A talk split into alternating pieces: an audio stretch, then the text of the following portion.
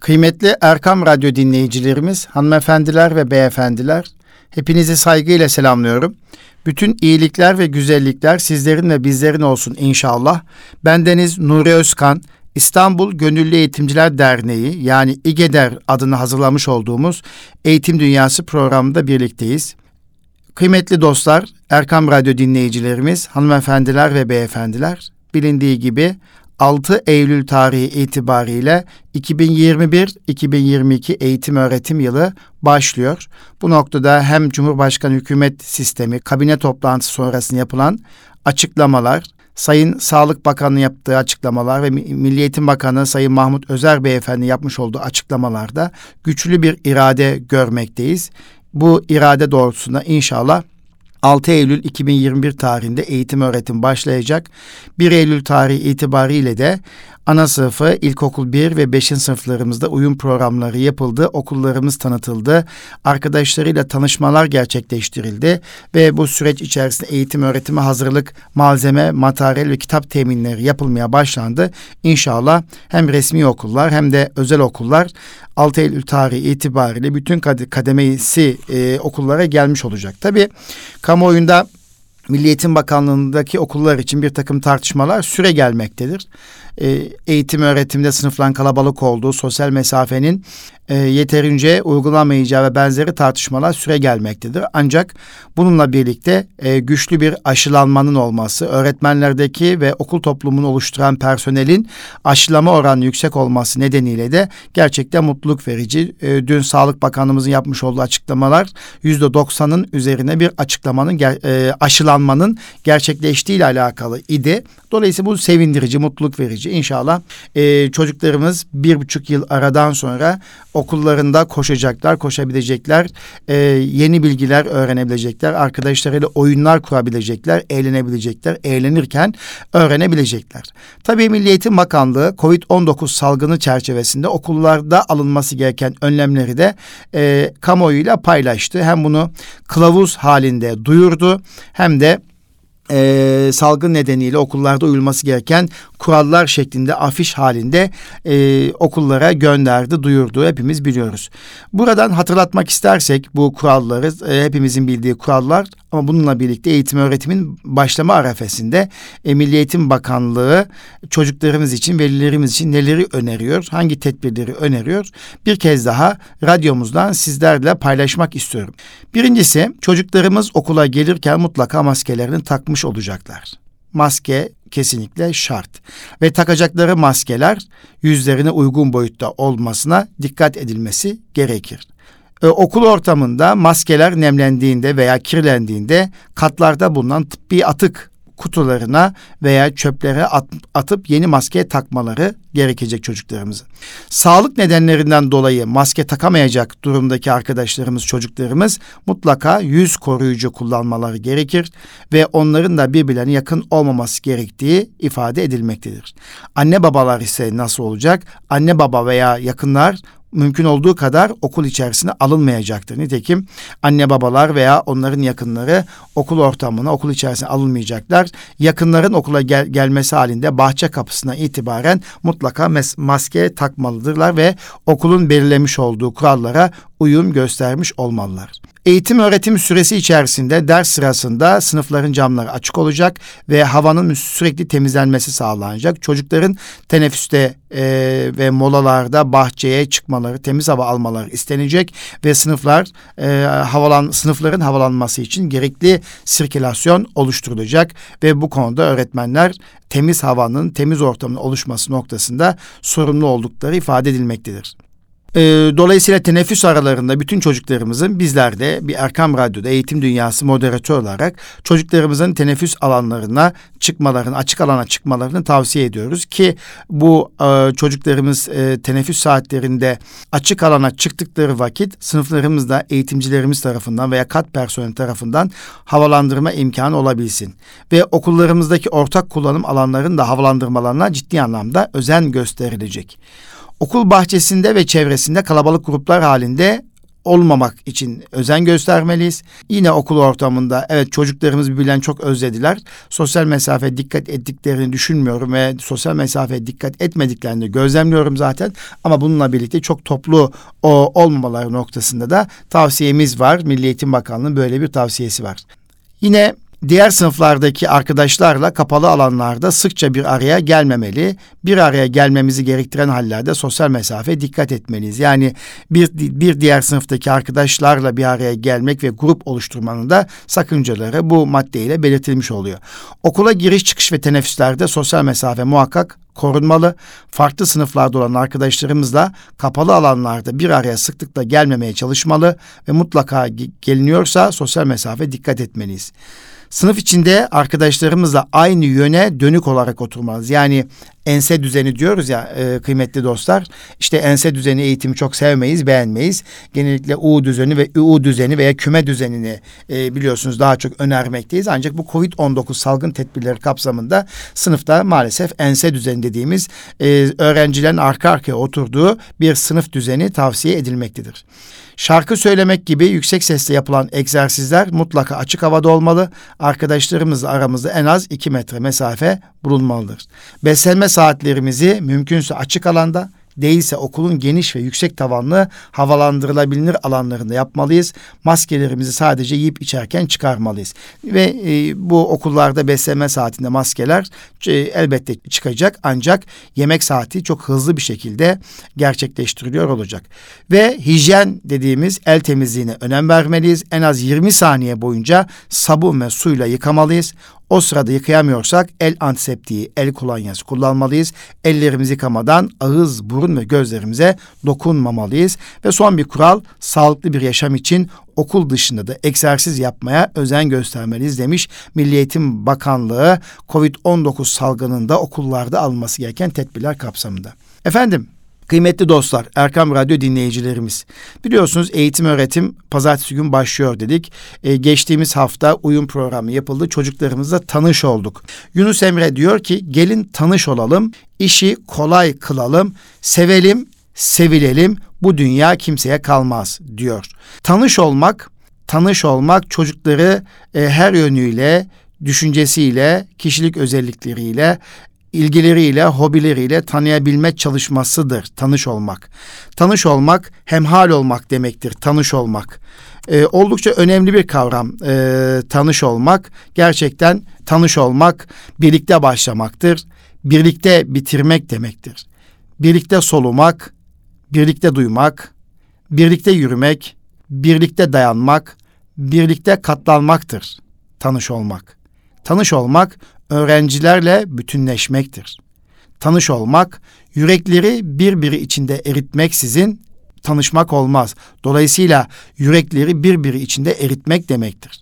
Yine gövdeleri birbirinin e, tanımasına sadece tanış olmak denmez. Yani isimlerin e, ifade edilmesi, isimlerin ezberlenmiş olması tanışma e, demek olmaz. Tanış olmak e, demek tanışmak, katılmaktır, katmaktır, dinlemektir, yüklemektir ve yüklenmektir. Eğer ortama katılmıyorsanız, katmıyorsanız, yüklemiyor ve yüklenmiyorsanız demek ki bizler sınıfımızla, arkadaşlarımızla, öğretmenlerimize tanışmıyoruz demektir. Ve selam, merhaba, iyi günler, günaydın demek tanışların tanış olabilmenin evrenine açılan kapanmaz bir kapısıdır. Bu kapıdan akan hep sevgidir. Hep bir dostluktur, hep bir kardeşliktir ve arkadaşlıktır. Dolayısıyla eğitim öğretimin başladığı ilk hafta öğretmenlerimizin, eğitimcilerimizin çocuklarıyla yapacakları tanışma etkinlikleri, ısınma oyunları ile tanış olmalarını istiyoruz. Yunus Emre diyor ki gelin tanış olalım, işi kolay kılalım, sevelim, sevilelim. Bu dünya kimseye kalmaz. Evet, işte eğitim öğretim başladı ilk haftalarda yapacağımız güzel bir tanışma etkinliğiyle çocuklarımız birbirlerini tanıyacaklar ve selamlaşmayı, merhaba demeyi, iyi günler demeyi, günaydın demeyi öğrenmiş olacaklar. Sadece tanış olmak çocuklarıyla birlikte arkadaşların birbirlerini tanımış olmaları mıdır? Yeni gelenleri tanıtmak, yeni gelenleri ortama ısındırmak, onları e, en onların en kısa süre içerisinde okulun kültürüne uyum sağlamasını sağlatmak da tanış olmak etkinliği içerisinde yer almalıdır. Yine e, daha önceki yıllarda birlikte olduğumuz ancak bu sefer değişik nedenlerle birlikte olamadığımız öğrencileri, arkadaşları hatırlamak, onları yad etmek, onları aramak da tanış olmanın bir parçasıdır. Yine tanış olmak demek aslında derslerin kazanımlarını fark etmek, o kazanımlara dikkat çekmek, ilgi oluşturmak da eğitim öğretim bir parçasıdır. O da tanış olmanın ta kendisidir. Dolayısıyla sınıf ortamında ilk derste öğrencilerimizi tanırken kendimizi eğlendirmeliyiz, çocuklarımızı eğlendirmeliyiz. Öğretmenliğe başlamak demek, eğitim öğretime başlamak demek, çocukları tanımak demektir kıymetli dostlar. Kıymetli Erkam Radyo dinleyicilerimiz. Çocukları ne kadar tanıyabilirsek, onları ne kadar tahlil edebilirsek, onları ne kadar anlayabilirsek, yeni tutum ve davranışlarının farkına varabilir, gözlemleyebilirsek, hele hele bir buçuk yıl aradan sonra onlardaki bir takım değişiklikleri görebilir, fark edebilir, anlayabilirsek, işte o zaman yavaş yavaş kalpler ısınmaya başlar. Yeni gelen çocuklarımızı fark etmek, onların sınıfıyla tanış olmasını sağlamak yine eğitim öğretimin güzel başlamasına bir neden olacaktır. İyi bir başlangıç iyi bir son demektir kıymetli dostlar. Evet, tanış olabilmek için ilk derste çok güzel etkinlikler, çok güzel faaliyetler yapılabilir. İlk derse girdiklerinde öğrencileri kapıda karşılamak ne de güzel olur.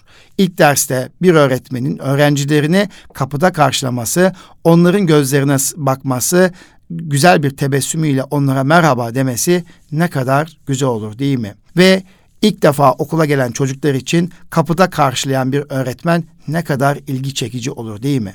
Ve tanışma etkinlikleri esnasında yapılacak şey öğretmenin öğrencilerin isimlerini en kısa sürede ezberleyebilmesidir ve yavrularına öğrencilerin ismiyle hitap edebilme sanatını, becerisini ortaya koyabilmesidir. Kısa zamanda çocuklarımızın isimlerini ezberlemek ve onlara ismiyle hitap etmek ve onların ne kadar değerli olduğunu hissettirmek çok kıymetli bir faaliyettir.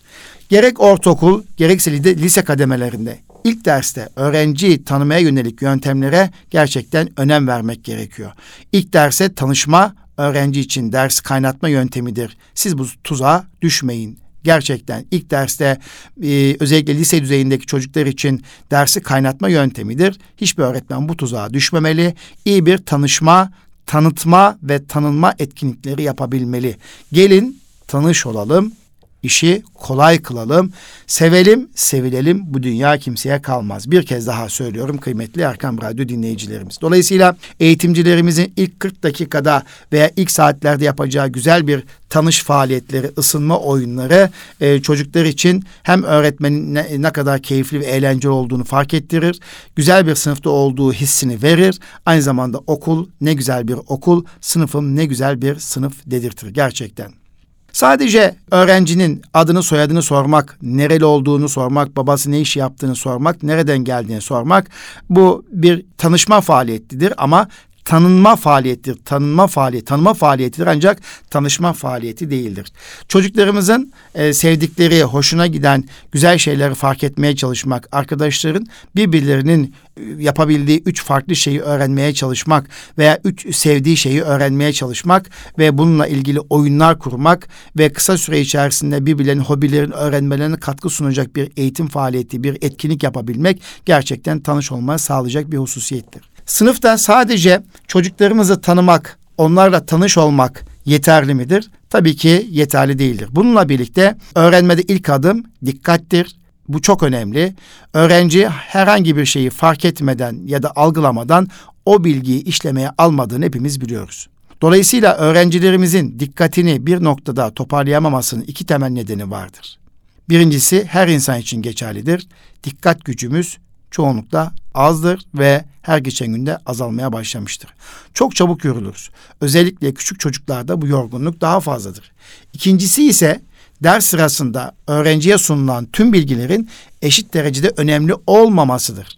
Bazıları temel bilgilerdir, bazıları ise önemli değildir. Bilgi işleme bir bakıma dikkatle başlar. Bu nedenle dersin başında öğrencinin dikkatinin gerekli uyarıcılara yönlendirilmesi önemlidir. Dikkat bireydeki bilinçli içsel süreçler tarafından kontrol edildiği gibi aynı zamanda çevresel uyarıcılar tarafından da kontrol edilebilen bir hususiyettir. Öğrencilerimize bir konuyu öğretirken, bir dersi sevdirirken, kazandırırken önce onların dikkatlerini derse ve konuya çekmeliyiz muhakkak. Ve öğrencilerimizin dikkatini artırabilmek için bugünlerde çocuklarımızın önüne konulan ders kitaplarının, yardımcı kaynakların ve materyallerin iyi bir şekilde tanıtılmasına ihtiyaç vardır. Dolayısıyla sadece çocukları tanımak, çocuklarla tanış olmak yeterli değil. İlk derste çocuklarımızın önüne önüne konulan Milli Eğitim Bakanlığı tarafından gönderilen ders kitaplarının veya okullarımız tarafından aldırılan yardımcı kitapların, materyalleri ve dijital her türlü programın çocuklarımız tarafından en güzel bir şekilde tanınmasını sağlamak da ilk ders faaliyeti içerisindedir. Kıymetli Erkam Radyo dinleyicilerimiz, hanımefendiler, beyefendiler.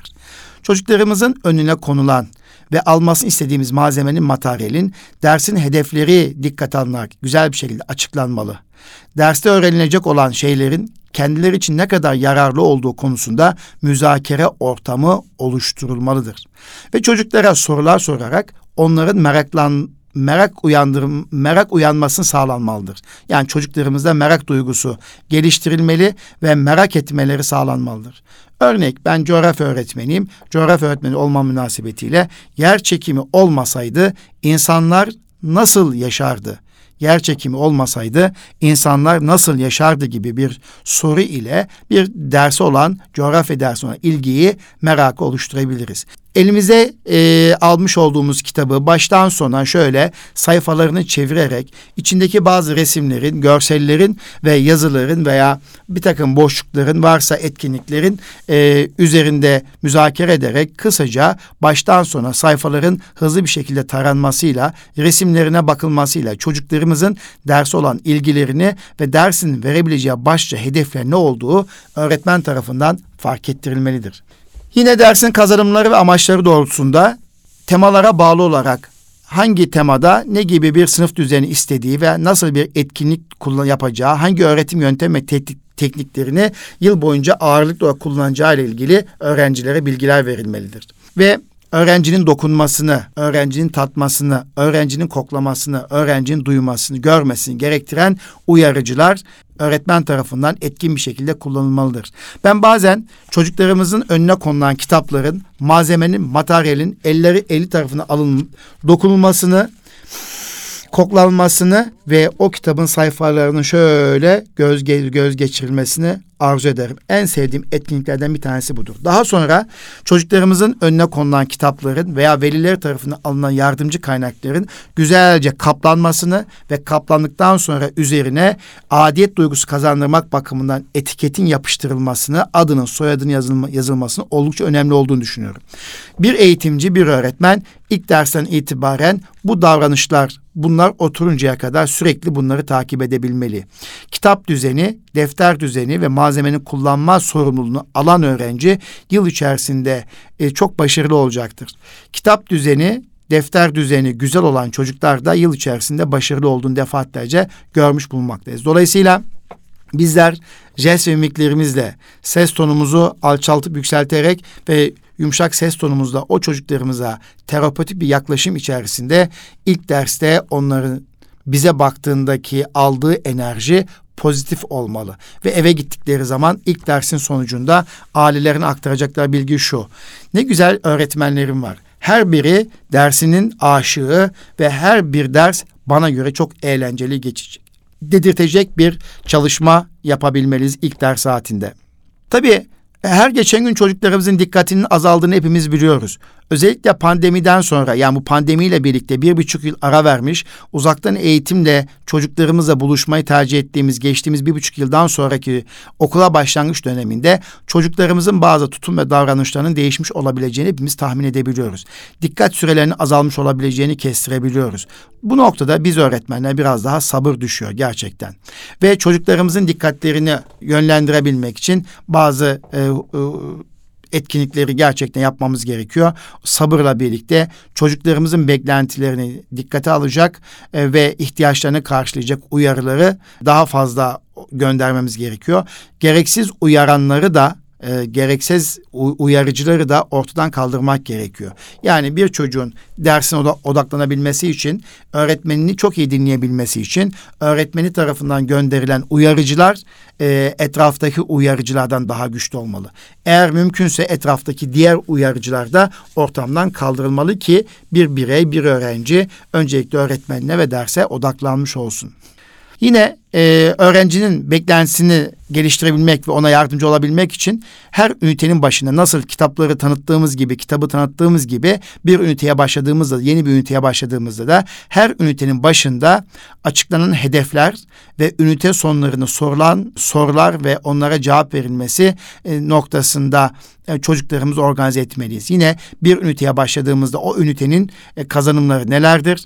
Bu ünitedeki belli başlı görseller, resimler neyi ifade ediyor? O üniteye dair biraz önce söylemiş olduğum dikkat çekme faaliyetlerini yaparsak o üniteye de odaklamış oluruz. Demek ki sadece kitabı sevdirmek, kitaba odaklamak, malzeme, materyali odaklamak e, çok önemli. Bununla birlikte e, her ünite başında da o üniteye dikkat çekecek hedef davranışlar söylemek, o ünitenin en önemli resimlerini, fotoğraflarını, videolarını göstererek dikkat çekmek, üniteye dikkat çekmek ve ünitenin sonlarında oluşan soruların da cevabını bu ünite bittiğinde inşallah vermiş olacağız diyerek ünitenin sonundaki sorulara da dikkat çekmek gerçekten e, çocuğun derse yönlenmesini sağlayacaktır.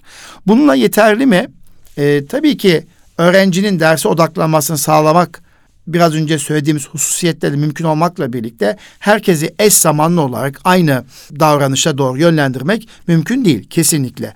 Çünkü öğrencinin geçmiş yaşantısı e, derse ilgili beklentilerinin dışında e, öğrencinin geçmiş yaşantısı da derse odaklanmasını pozitif ve negatif olarak etkileyecektir. Çünkü sınıfa gelen öğrenci yaşı ne olursa olsun e, görece üniteyle ilgili, temayla ilgili veya kazanımlarla ilgili geçmişte bir takım yaşantılara ya sahiptir veya değildir. Dolayısıyla zihninde bir takım örüntüler mevcuttur. Bu açıdan baktığımız zaman çocuklarımızın da geçmiş yaşantılarını, hazır buluştuklarını fark etmiş olmak, öğretmen tarafından biliniyor olması da e, ve ona göre de ilave bilgiler vermek veya çocuğun o yaşantısını dikkate alarak olayın gelişimini, e, sürecini yönetebilmek de çocuğun ders olan ilgisini muhakkak artıracaktır.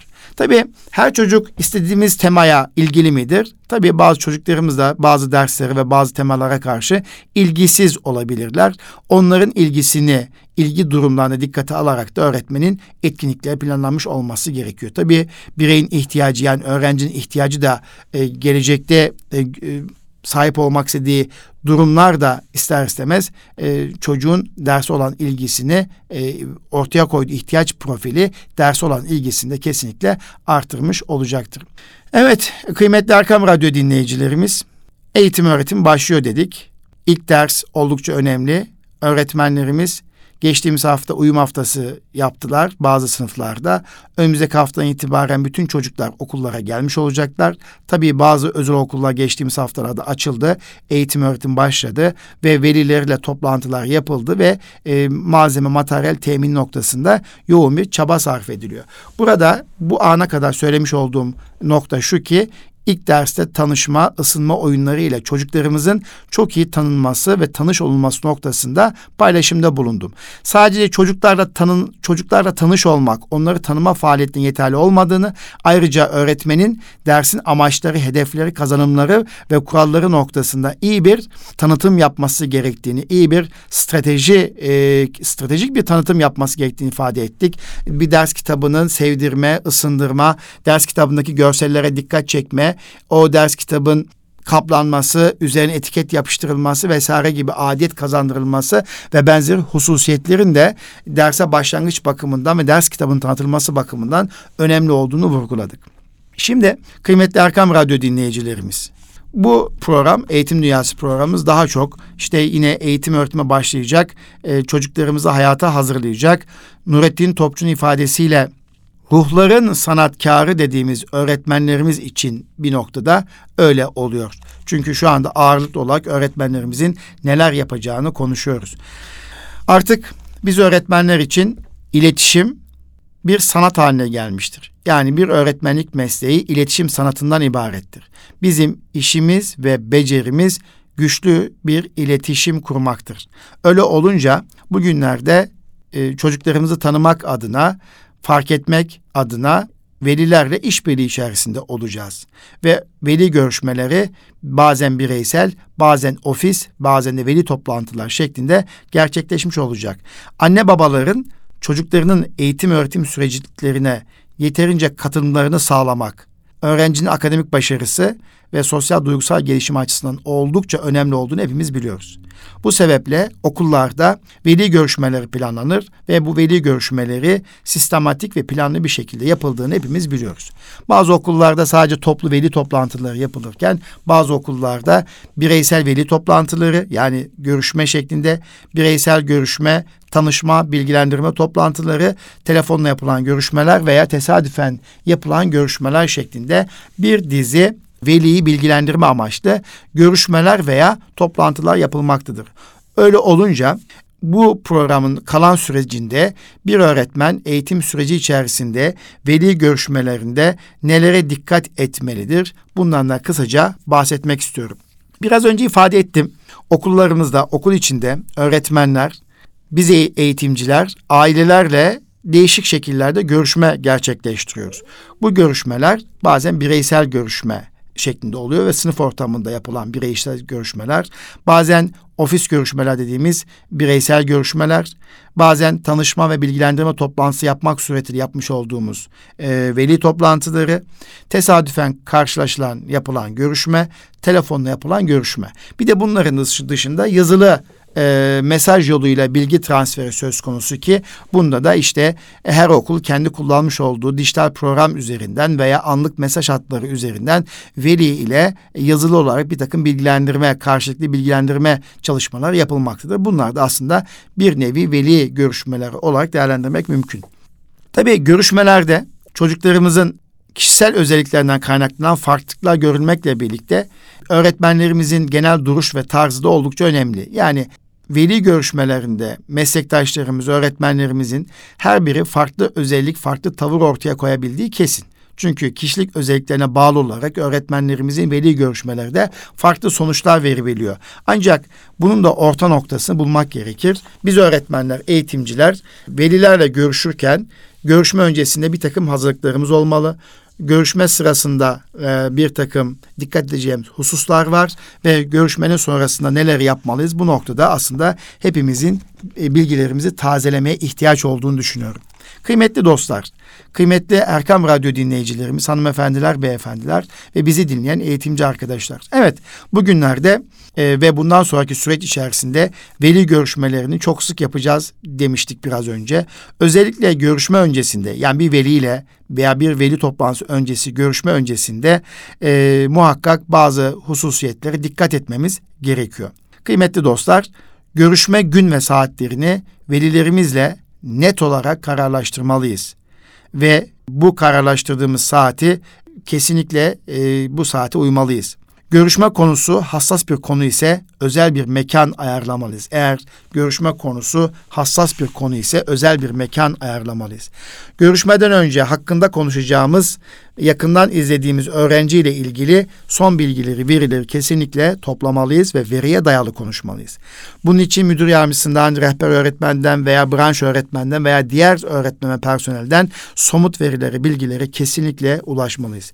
Veli öğretmen görüşme formunu yine müdür yardımcısından almalıyız. Görüşme formu ve bilgisayar ile birlikte veli görüşmemize e, inmeliyiz ve velimizle e, yüz yüze görüşme yapmalıyız. Ve e, bu görüşme sırasında da bir takım notları e, bizler e, kesinlikle almalıyız. Görüşmeye bu şekilde hazırlıklı indik ve kılık kıyafetimizi özen göstermiş olarak veliyle karşı karşıya geldiğimizi düşünün. Velimizi iştenlikle selam, selamlayıp bir gülümsemeyle elini sıkarak veya e, merhabalaşarak, tokalaşarak veya göz teması kurarak hangisini tercih ediyorsanız eğer e, güzel bir şekilde karşılamaktan bahsediyorum. Güzel bir gülümseme, tatlı bir gülümseme ile birlikte karşılamak oldukça önemli. Beden dilimize kesinlikle dikkat etmeliyiz. Veli ile yüz yüze aynı hizada ve onu dikkatle dinlediğimizi vücut dilimizle belli etmeliyiz ve bu şekilde biraz öne doğru eğilerek onun içerisine gözüne baka baka yüzüne baka baka konuşabilmeliyiz. Görüşmeyi veli talep ettiyse konuşmaya ilk olarak velinin başlamasına muhakkak izin vermeliyiz. velinin sözünü kesmeden dinlemeliyiz. Daha sonra öğrenci ilişkin başka bir şey eklemek isteyip istemediğini sormalıyız ve velinin sözünü kesmeden dinleyebilmek oldukça önemli. E, çünkü randevu isteyen kişi kimse o e, kişinin önce konuşması, derdini anlatması oldukça önemli. Karşı taraftaki kişi de bu müdür, müdür yardımcısı, öğretmen olabilir. Kesinlikle dinleyebilmeli ve daha sonra öğrenci ilişkin başka bir şey eklemek isteyip istemediğini kendisine sormak suretiyle tamamen deşarj olmasını sağlamalıyız. Buna biz etkin dinleme diyoruz. Her zaman etkin dinleme becerilerini kullanabilmeliyiz. Anlaşıldığını ve onaylandığını veli kesinlikle hissetmeli. Böylece veli ile aramızda olumlu köprüler kurulmuş olacaktır kıymetli dostlar. Görüşme sürecinde konuşma oranlarının dengede olmasına özen göstermeliyiz. Mümkün mertebe iki tarafta o toplantıdan, o görüşmeden kalktığında ben içimde e, hiçbir şey kalmadı.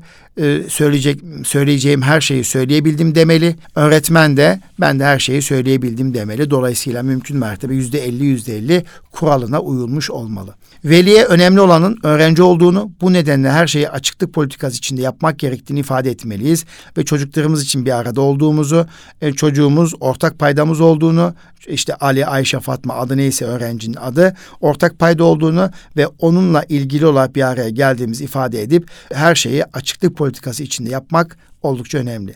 Her zaman iletişim açık olacağımızı karşı tarafın velinin bilmesini sağlamalıyız. Bunun için telefon görüşmeleri, yüz yüze görüşme ve benzeri hususiyetlerin ne kadar önemli olduğunu söyleyip katıldıklarından dolayı veya duygu ve düşüncelerini net bir şekilde ifade ettiklerinden dolayı da veliye sıklıkla teşekkür edilmeli.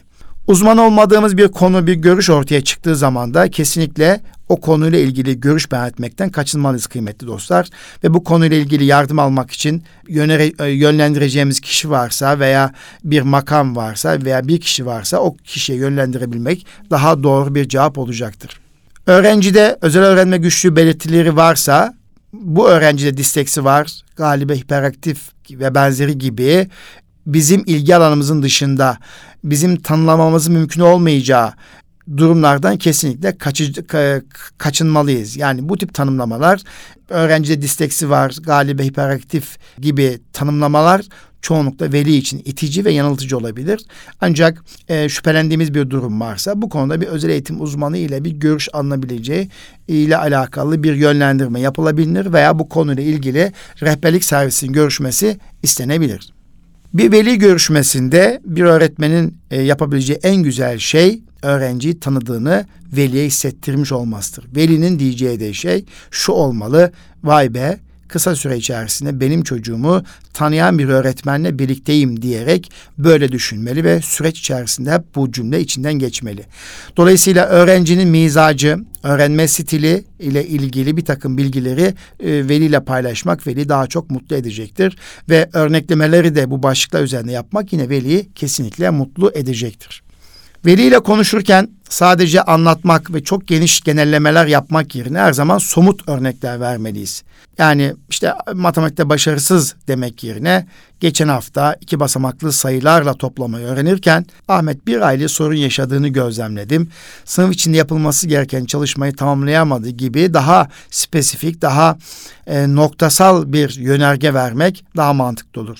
Yani Ahmet'in bir hafta önceki iki basamaklı sayılarda karşılaştığı sorunu genelleyerek Ahmet'in matematikte başarısı olduğunu demek doğru bir yaklaşım tarzı değildir. Kesinlikle buna dikkat etmek lazım.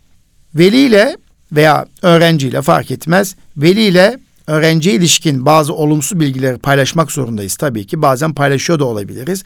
Böyle durumlarda sandviç yöntemini dikkat etmemiz gerekiyor. Sandviç yöntemi bir iletişim aracıdır, iletişim yöntemidir. Birazdan onunla ilgili kısa bir bilgilendirme yapıyor olacağım sandviç yöntemiyle ilgili. Her zaman ortak çözümler üretmeye çalışmalıyız. Bilge ile ilgili kaygılarınızı anlıyorum konuya ilişkin birlikte neler yapabileceğimizi beraber bir gözden geçirelim diyerek veliye çözüm odaklı olduğunuzu ifade etmelisiniz. Her zaman ortak çözümler üretmeye çalışmalıyız. Örnek Ali ile ilgili sıkıntınızı anlıyorum.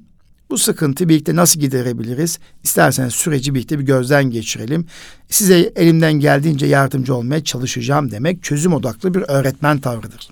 Okulların işleyişi veya okulunuzun işleyişiyle ilgili, sistemiyle ilgili e, muhakkak iyi çalışmalısınız. Bilginiz olmadığı konularda da velilerle bu konularda konuşmamalısınız ama okulun işleyişi ve sistemiyle ilgili bilginiz olmayan konularda velinin eleştirilerini çok iyi dinleyiniz ve not alınız. Asla beden dilinizde veya sözlü olarak destekleyici ya da savunmaya geçici bir tavır sergilemeyiniz. Açıklama yapabileceğiniz bir konu değilse ilgili idareciye bilgi vereceğinizi ve veliye dönüş yapılmasını sağlayacağınızı muhakkak söyleyiniz. Öğretmene ait bir görev hususunda asla veliye sorumluluk yüklemeyiniz. Örneğin derste sürekli konuşan bir öğrencinin evde de veli tarafından uyarılması istemeyiniz. Veya derste e, ödevini yapmayan bir öğrenci için evde velinin e, ödevini yaptırması noktasında gayret göstermesini kesinlikle istemeyiniz. Eğer böyle davranacak olursanız velinin sizin işinize karışmasına izin vermiş olursunuz. Bu nedenle kendi sorumluluklarınızı ve velinin sorumluluklarını tam olarak ayırtmak, ayırt etmek gerekiyor. Görüşme sonucunda tabii aileyle birlikte alınan kararları özetleyiniz. Her iki tarafında uygulayacaklarını somut olarak belirtiniz ve gerekirse bunları yazılı hale getirip imza altına alınız. Karar alınan bir durum söz konusu ise davranış delgesi uygulaması, akademik takip, duygusal problemler ve benzeri veli öğretmen görüşme raporuna velimizin imza atmasını sağlayarak ve bir süretinde veliye verilmesini sağlayarak velinin takibini veya karşılıklı takibin yapılacağını ifade ediniz. Ve görüşmeyi olumlu bir cümleyle bitirmek en güzelidir.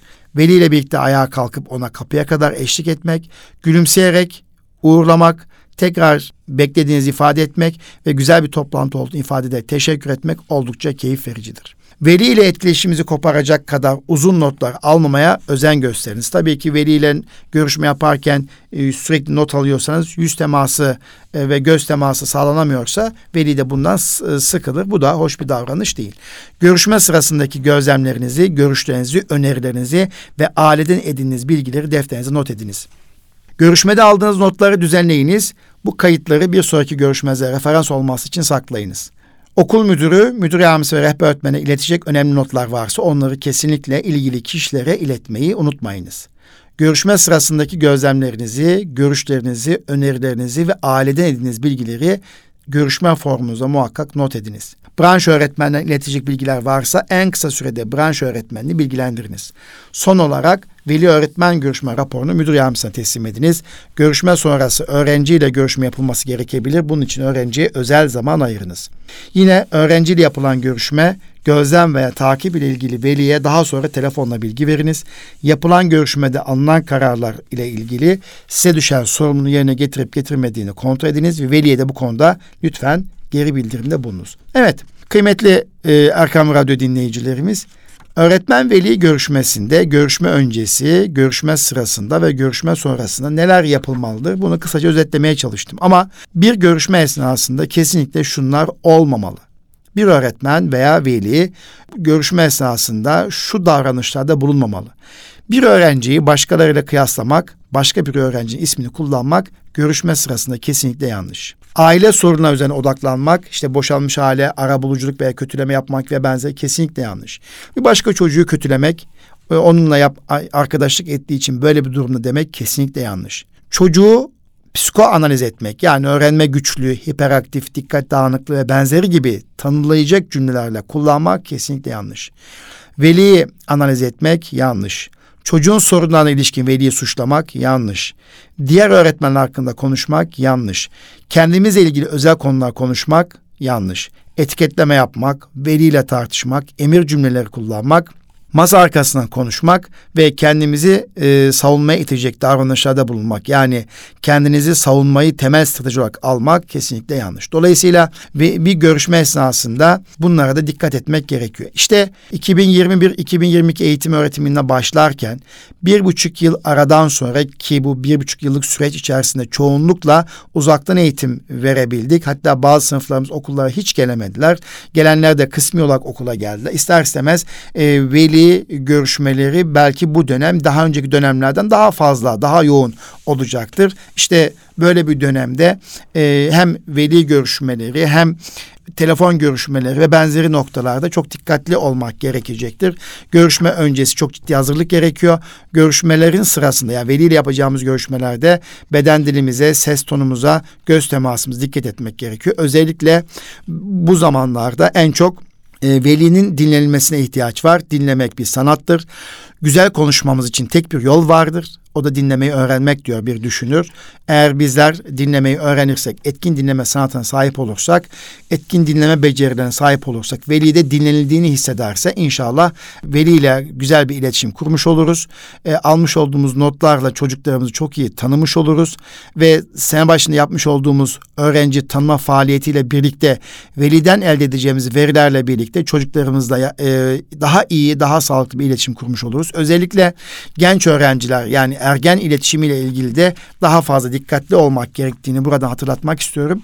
Efendim kıymetli Erkam Radyo dinleyicilerimiz hanımefendiler ve beyefendiler yine COVID-19'un gölgesinde, salgının gölgesinde bir eğitim öğretim yılına başlıyoruz. Daha önceki yıldan farklı olarak e, aşılanma oranı oldukça yüksek ve aşı gibi güçlü bir silaha sahibiz.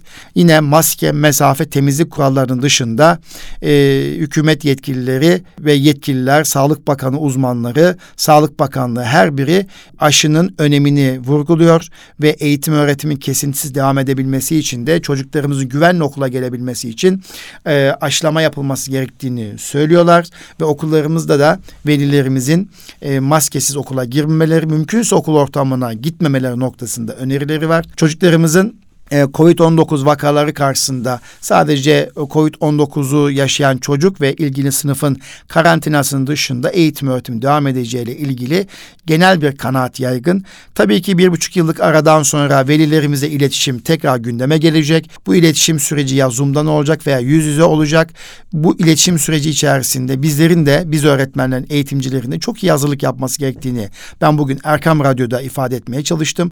Ve ilk 40 dakikalık ders sürecinde tanışmanın, tanıtmanın ve tanınmanın iyi bir başlangıç olması halinde, iyi bir şekilde yapılması halinde güzel bir sonun geleceğini ifade ettim. Özellikle kullanacağımız ders, araç, gereç ve materyallerin sevdirilmesi, amaçlarından haberdar edilmesi, neyin ne zaman nasıl kullanacağının öğretmen tarafından net bir şekilde ifade edilmesi önemini vurguladım. Kıymetli dostlar, bu duygu ve düşüncelerle 2021-2022 eğitim öğretim yılı hepimize hayır duyulu olsun. Çocuklarımıza başarılar diliyorum. Kalın sağlıcakla Rabbime emanet olunuz.